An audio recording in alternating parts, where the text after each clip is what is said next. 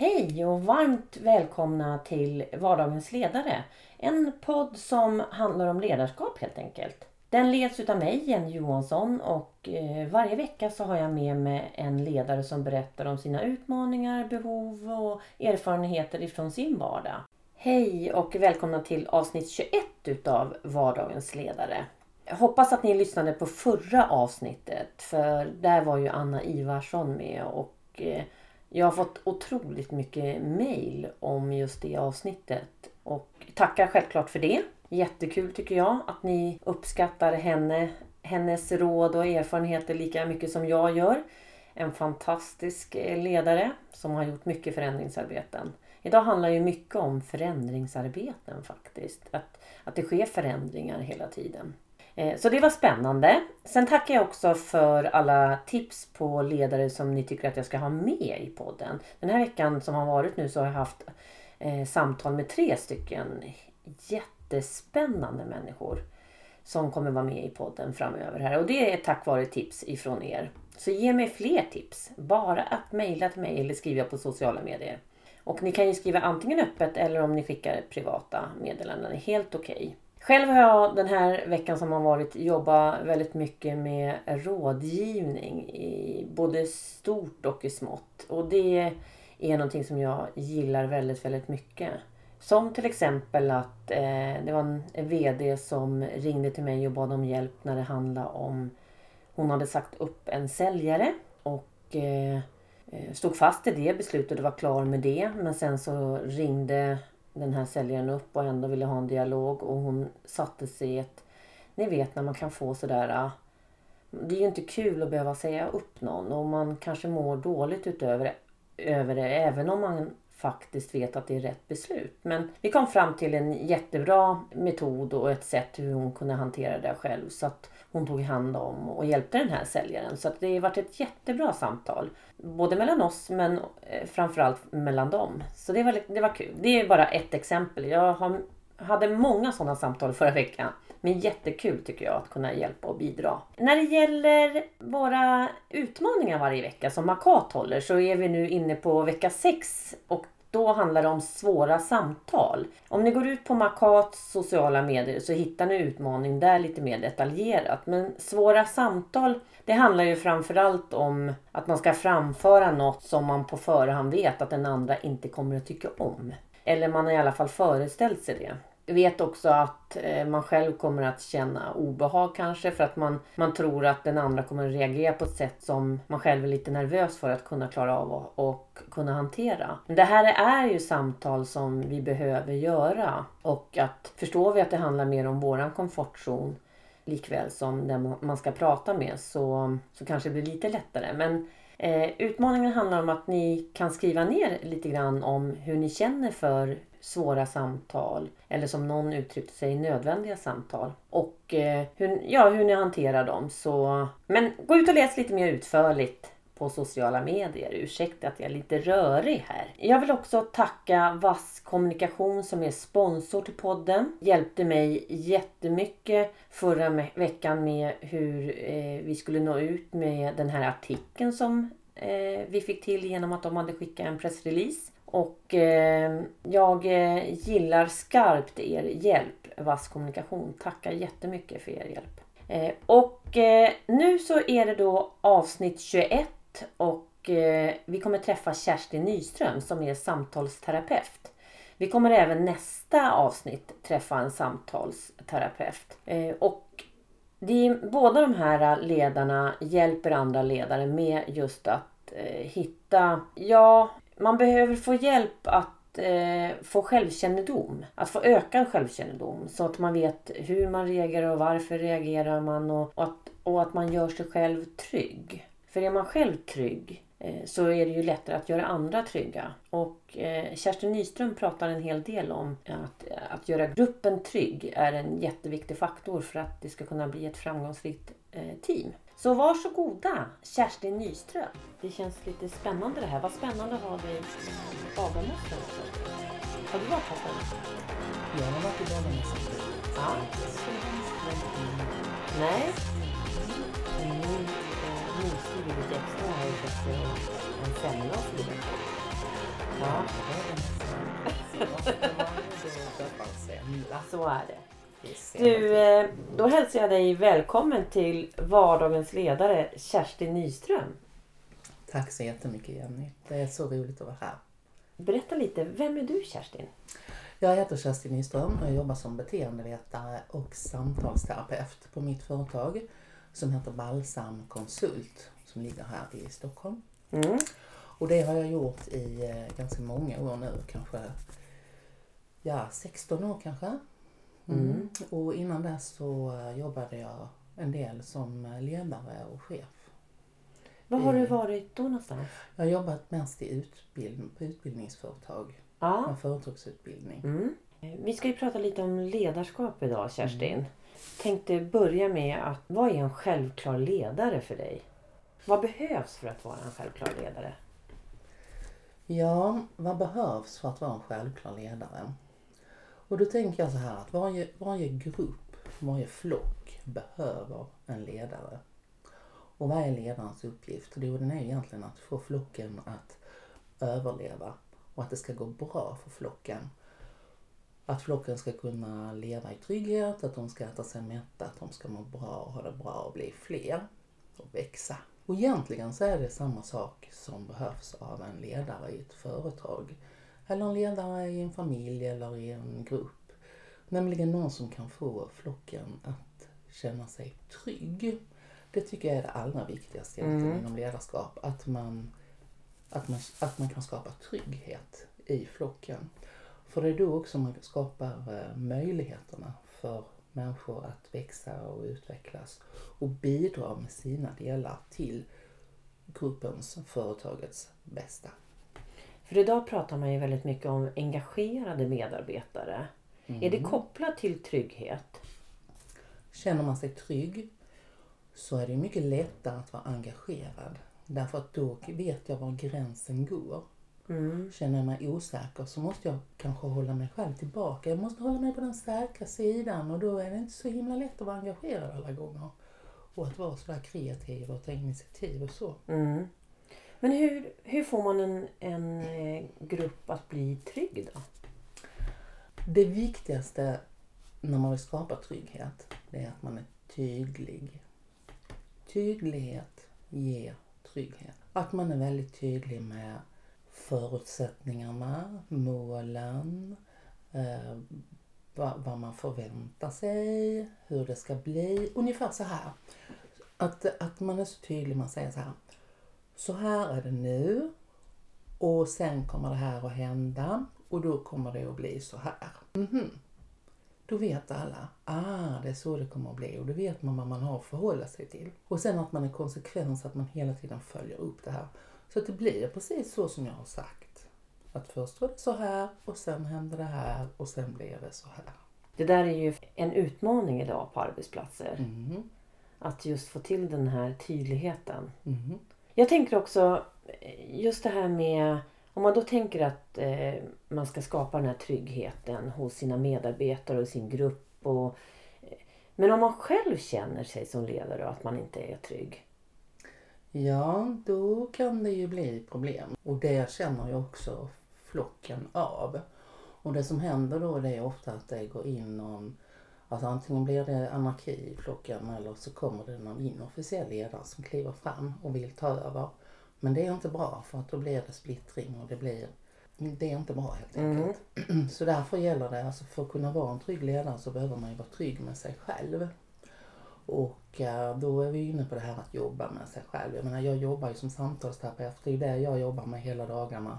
Att människor ska lära känna sig själva, utveckla sig själva, sin potential, se sina förmågor, se sina egenskaper, se varje egenskap, hur den kan tjäna en, hur den kan begränsa en, hur man ska kunna använda det i sig själv.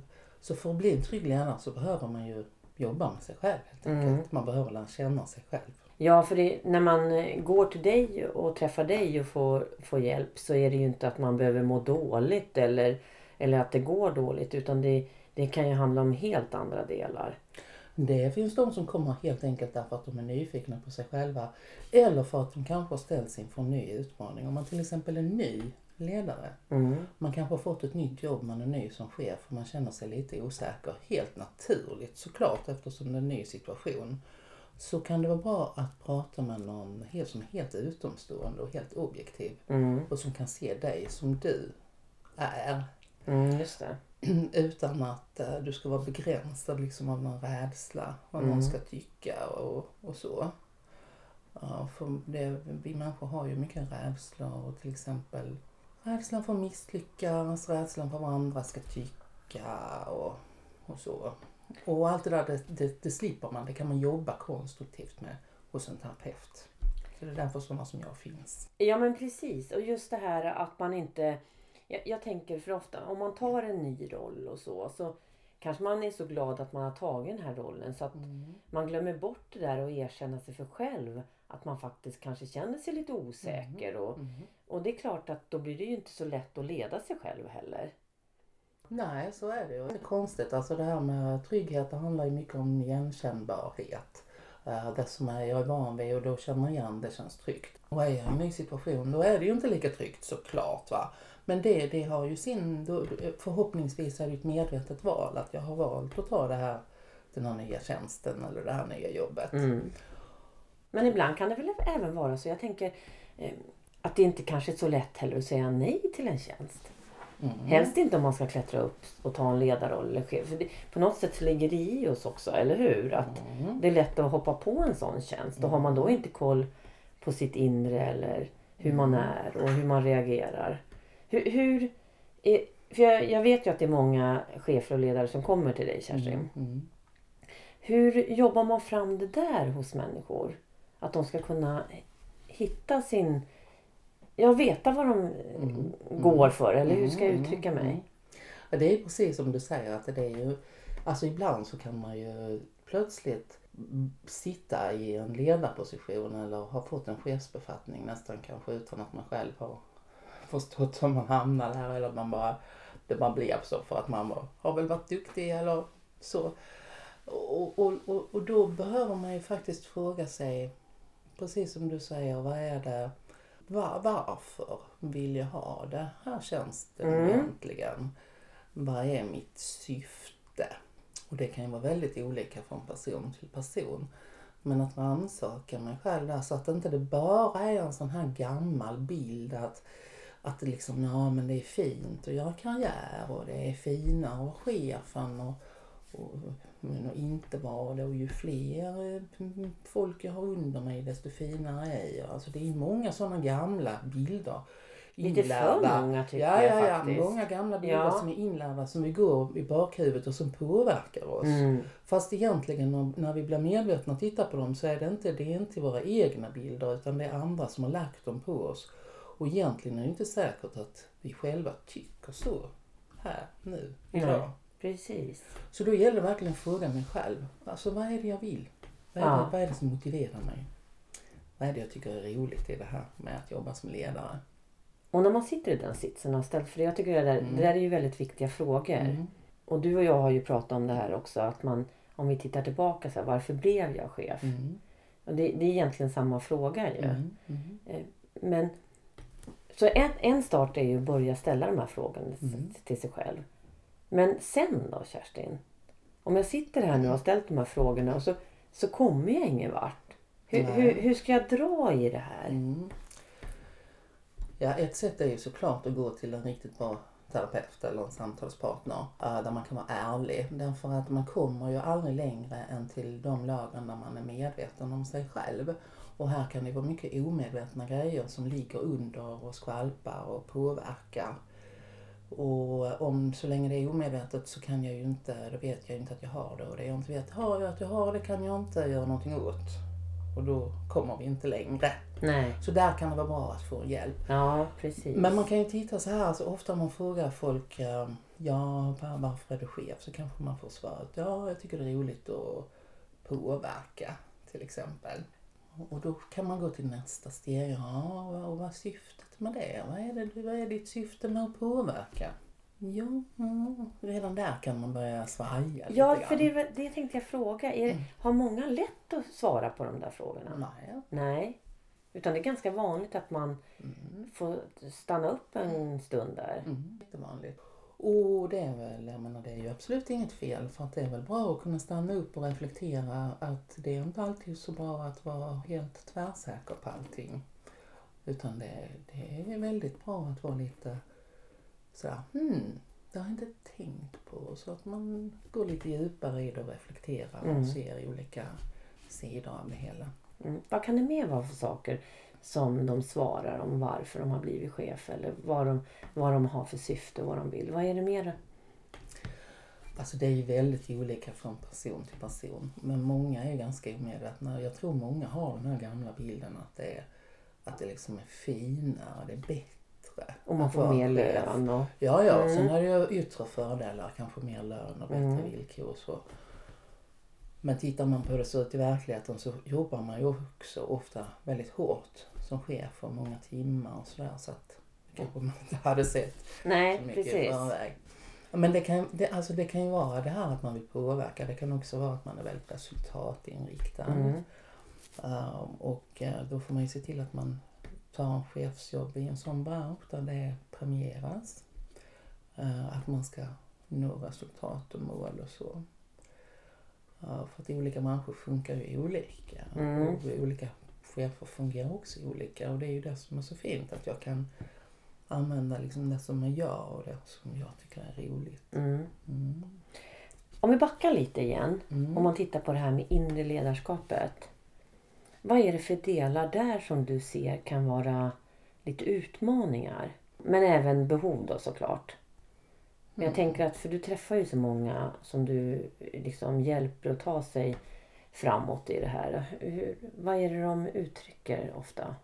Alltså, om man säger så här att om du är ledare och du har en grupp människor som du är chef, ledare över.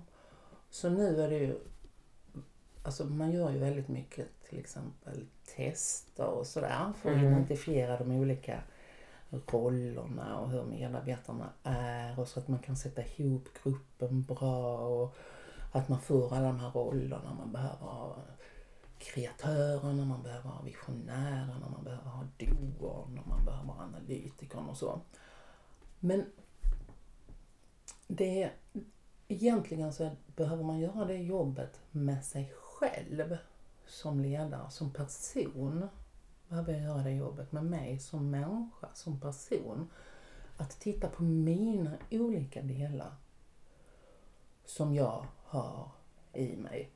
I, I terapin kallar vi det för delpersonligheter. Man kan ha som olika personer som man har utvecklat. Man kan ha utvecklat, man har ju så man kan ha en som är väldigt, väldigt drivande till exempel, eller en som är väldigt ansvarstagande, eller en som är väldigt duktig, eller en som är väldigt kritisk. och Så. Alltså man har utvecklat därför att så det kommer långt bakifrån och de starkaste har man ofta börjat utveckla väldigt tidigt därför att alltså man kanske har växt upp i en familj där det har behövts att jag har tagit väldigt mycket ansvar. Mm. Det har behövts i min familj. Och, och då, då har jag varit tvungen så att säga, att utveckla den här ansvarstagande delen av mig själv.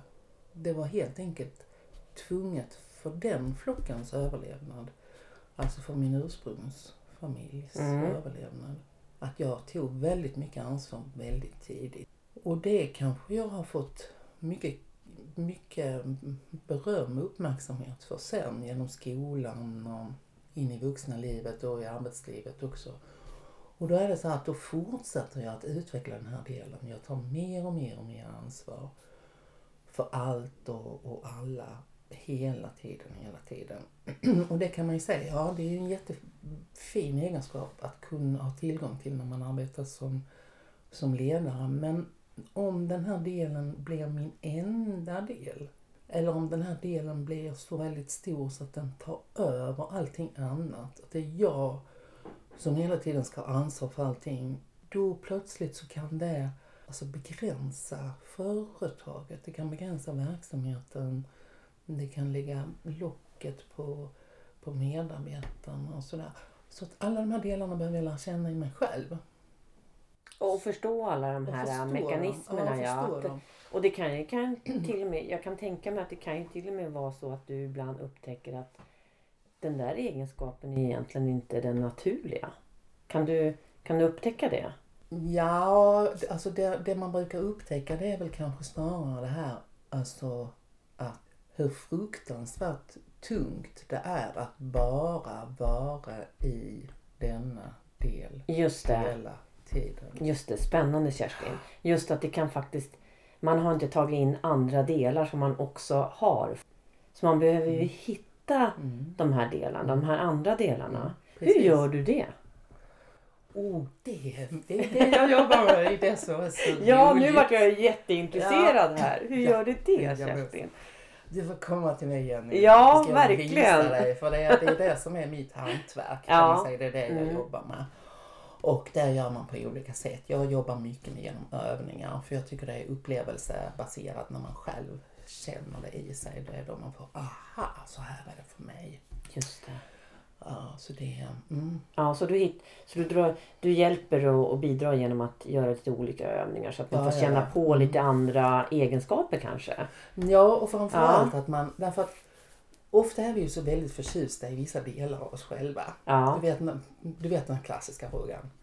Nämn dina tre bästa egenskaper. mm. Och, och då nämner vi tre egenskaper som, som vi har lärt oss att vi är jättebra på.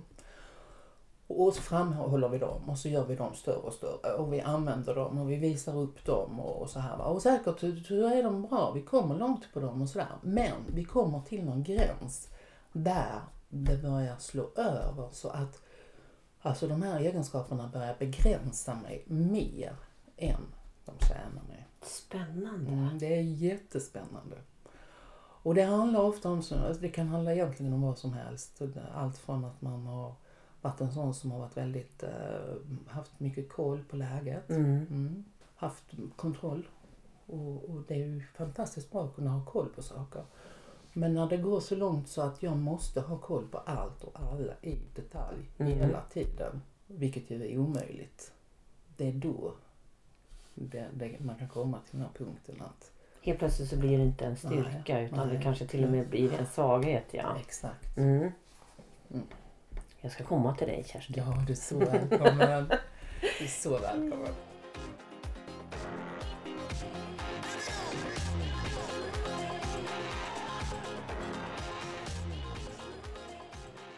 För nu, nu börjar vi tangera tycker jag just det här som är väldigt viktigt idag när vi har det, det händer mycket hela tiden här ute. Det är mycket förändringar. Och förr var ju mer så här att förändringar det skedde över en tid. Och Mm, som man, mm, man tyckte, när ska den här förändringen vara klar? mm, mm. Idag så, man hinner ju inte avsluta en förändring först tio andra pågår. Mm, Och det är mycket information och så på oss. Och det här, självklart så kan ju det vara så att en del människor har mindre lätt för att hantera det här.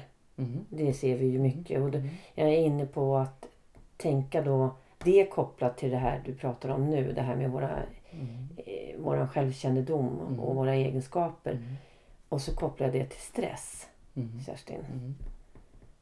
Ja, nu nickar du mot mig och för att nu känner du ju- här är, finns det ganska mycket att prata om, eller hur? Ja, det finns hur mycket att prata om som Mm. helst. Och man kan säga, alltså det är ju precis som du säger att förändringarna sker snabbare och snabbare. Och, och idag är det en väldigt eftertraktad egenskap att man ska vara förändringsbenägen. Som Mm. det heter. Jag skulle vilja säga att ju tryggare jag är i mig själv, ju mer jag känner mig själv, desto mer kan jag vara förändringsbenägen. Mm. Därför att jag känner mig själv. Jag vet att vad som än händer, vilken förändring jag än ställs inför, så kommer jag klara av. Mm. Jag behöver inte hålla på och oroa mig i förväg. Och kanske måla upp en massa fantasier och sådär om, om vad som kan hända. Och jag börjar oroa mig och ligga vaken på nätterna och allt det här. Och då är vi ju inne på, på stress. Och det är ju en sak som kan stressa Mm. okej. det här man säger potentiella hotet Mm. mot tryggheten. En förändring, någonting kan hända fast jag vet inte riktigt vad. Ja, du tänker, du menar, ja många kopplar ju alltså tryggheten till att det ska vara som det har varit. Mm. Mm. Det, så är det inte. Det behöver inte alls vara så. Men det är det gemene, om vi, tar, om vi generaliserar så är det ju ofta det man kanske kopplar det till ja. Men det kan ju vara tvärtom. Ja, alltså Mm. all, all, vi har ju alla våra associationer till olika ord och vissa egenskaper har vi positiva associationer till och andra har vi negativa. Um, en del kan ju säkert koppla trygghet till någonting tråkigt och trist och Ja, just förutsägbart det. och sådär. Mm. Medan andra tycker att det är skönt och, och vilsamt och Mm. så. Så det är ju också intressant att se vilka värderingar man lägger. Ja, verkligen. Mm. Men hur, om vi tänker då det här med stress och vi tänker personal, medarbetare, sjukdomar och, Mm. och utmattningssyndromen som det Mm. pratas mycket om och som många människor faktiskt sitter i Mm. också. Allt för många. Ja, Mm. hur, hur, hur ska vi jobba med det här Kerstin? Nu ska du ha lösningen Ja. på det här. Nu ska jag ha lösningen. Ja. Nej, men du, du har ju mycket erfarenhet. Ja. Mm. Alltså generellt kan man ju säga så här att alltså stress, om man nu pratar bara stress på arbetsplatsen då. Så um, handlar det ju inte bara om att man kanske har en väldigt tuff arbetsbelastning. Därför att det klarar vi oftast av. Att ha en hög arbetsbelastning åtminstone under en tid. Förutsatt att vi får en återhämtning sen. Mm. Vi är liksom gjorda för att kunna jobba och ta i lite grann. Men sen behöver vi vår återhämtning. Och alltså man kan gå tillbaka till den där ursprungsflocken igen. Att man jobbar, man jagade, man jobbade, man fick sitt byte, man åt. Och sen vilade man. Mm. Och sov och lekte och dansade och festade och sådär. Och precis det så behöver vi fortfarande idag. Och får jag inte den här återhämtningen utan om jag jobbar hela tiden, hela tiden, hela tiden. Och där har vi den här med uppkopplingen, alltså gränslösheten, man jobbar kvällar, nätter, helger, tillgänglig alltid på semestern och sådär. Och där har ju chefen och ledaren ett väldigt ansvar att sätta en gräns Mm. faktiskt. Att det är inte eh, okej att eh, ringa och mejla sådär dygnet runt. Utan där kan man som ledare vara väldigt tydlig och själv föregå med ett gott exempel. Mm. Att inte hålla på och mejla på helgerna Mm. och så. Och även om man kan tycka att ja, men du behöver inte läsa det från på måndag så funkar det inte så. För det ligger där liksom som ett hot kan man säga och gnager. Mm. Mm, så arbetsbelastningen är en sak, men sen alltså det som, den här stressen som man blir sjuk av, den som ham, där man kan hamna i ett utmattningssyndrom så småningom, om det vill sig illa, det är ju oftast att alltså man befinner sig i en situation som man inte kan påverka. Man kanske jobbar jättehårt, men alltså det de som får den här diagnosen det är ofta de som jobbar hårt, man jobbar mycket, man är duktig, man är lojal. Man är väldigt, ställer upp mycket, man tar väldigt mycket ansvar, man är väldigt högpresterande. Och så gör man det och fortsätter och fortsätter och fortsätter. Men man får liksom ingen... Alltså situationen runt omkring är inte eh, sund. Mm. Um, och man kan inte påverka. Man, man, man kan liksom inte påverka sin situation. Man kan inte påverka kanske sin arbetsbelastning, sin organisationen. Man får inte tillbaka rätt eh, uppmuntran eller belöning. Och det är det som är så nedbrytande. När, man, Mm. när man inte kan göra någonting åt sin situation. Påverkar det mycket hur man pratar med sig själv? För jag tänker om man har mycket runt sig. Jag, jag, jag förstår ju att... ehm, För det, det ena du säger är ju att man behöver ha återhämtning emellan och man Mm. behöver se till att dansa och ha kul. Mm, Lite så. Absolut. Och, och det är ju olika Ja. till var och en. Mm. Men eh, jag tänker också just det här att man, man vet att det ligger mejl där. Man vet att man har saker att göra. Mm. Eh, och då tänker jag så här, ansvaret man har själv som medarbetare att faktiskt slå av det där, eh, den där delen. Just för att Mm. man kanske Mm. man matar sig själv med tankar hela tiden. Så är det ju. Stress än att jag talar om för mig själv vad jag borde. Och att jag har väldigt höga krav för mig själv och så. Det är klart att jag har ett eget ansvar där. Men samtidigt, om jag jobbar i en organisation eller på ett företag där jag förväntas läsa mejlen klockan 11 på söndag Fast inte uttalat men man Nej, känner den men pressen. Man, ja, ja. och det är Ja, just så. det. Det Mm. ligger i luften. Det är den här Mm. otydligheten igen. Otydligheten. Man känner att man borde. Det är det som är så stressande. Så att även om man, om man själv sätter gränser så om man jobbar i en gränslös organisation så, så är det väldigt svårt. Va? Därför att det är ju ändå det är ju ändå chefen och ledaren som så att säga har makten. Det är, det, det är, det är chefen som, som har både makten och ansvaret att sätta gränserna, att sätta ramarna. Och bestämma Och att, kulturen ja, runt och det här. bestämma Ja. kulturen och vara tydlig med vad som Mm. gäller. Hur ska man som ledare göra här? Hur, hur, kan, vi, hur kan vi se och, och hitta de här äh, tecknen på vad, att det är gränslöst och att det inte är riktigt tydligt? Hur, hur ska ledaren kunna se det? Ja, alltså se sin egen gränslöshet. Och det behöver man ju jobba med sig själv verkligen. Alltså, Mm. och, och titta vad det är som gäller. Och det är ju också, man kanske själv har andra ledare över sig. Det, om man är i en större organisation och sådär. Ja, för den där gränslösheten kan ju gälla, alltså inte bara det här med tider och belöningar utan även hur man kommunicerar med varandra, hur man tilltalar varandra, hur man behandlar varandra, hur man sprider information. Alltså här finns ju hela skalan Mm, liksom, ja, av verkligen. härskartekniker och, och allt till riktiga Mm. hemska exempel. Men om man nu säger att man är då en, en, en bra och ansvarstagande chef som vill ta hand om sin personal så ska man vara observant på sådana tecken som att ens um, medarbetare, alltså givetvis det här med korttidsfrånvaro, Mm. Och ofta och kanske. ofta, ofta, Ja. ofta lite. Man kan också vara observant på um, alltså om någon mm, börjar bli lite um, lättirriterad, lite ofokuserad, okoncentrerad, inte riktigt sitt gamla jag.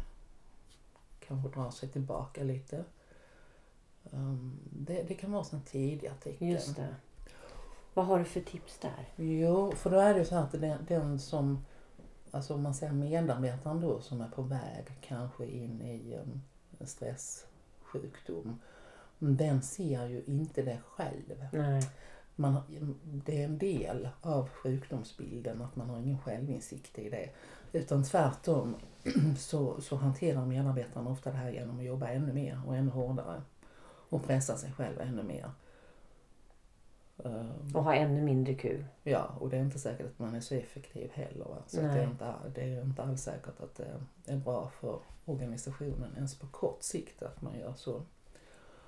Så, så det, det måste man vara observant på som chef. Och det man får göra då är det att man får gå in givetvis och ta ett samtal. Det är det allra första. Och titta, hur, hur, hur ligger det till? Mm. Hur, hur är det? Att våga ta det där samtalet ja. ja. ja, Det måste man våga Mm. om man är chef. Det ingår i Mm. ens arbete, i ens ansvar. Om man är ledare och man ska ta hand om sin flock. Då måste man se till att flocken fungerar Mm för eh, allas bästa och för företagets bästa.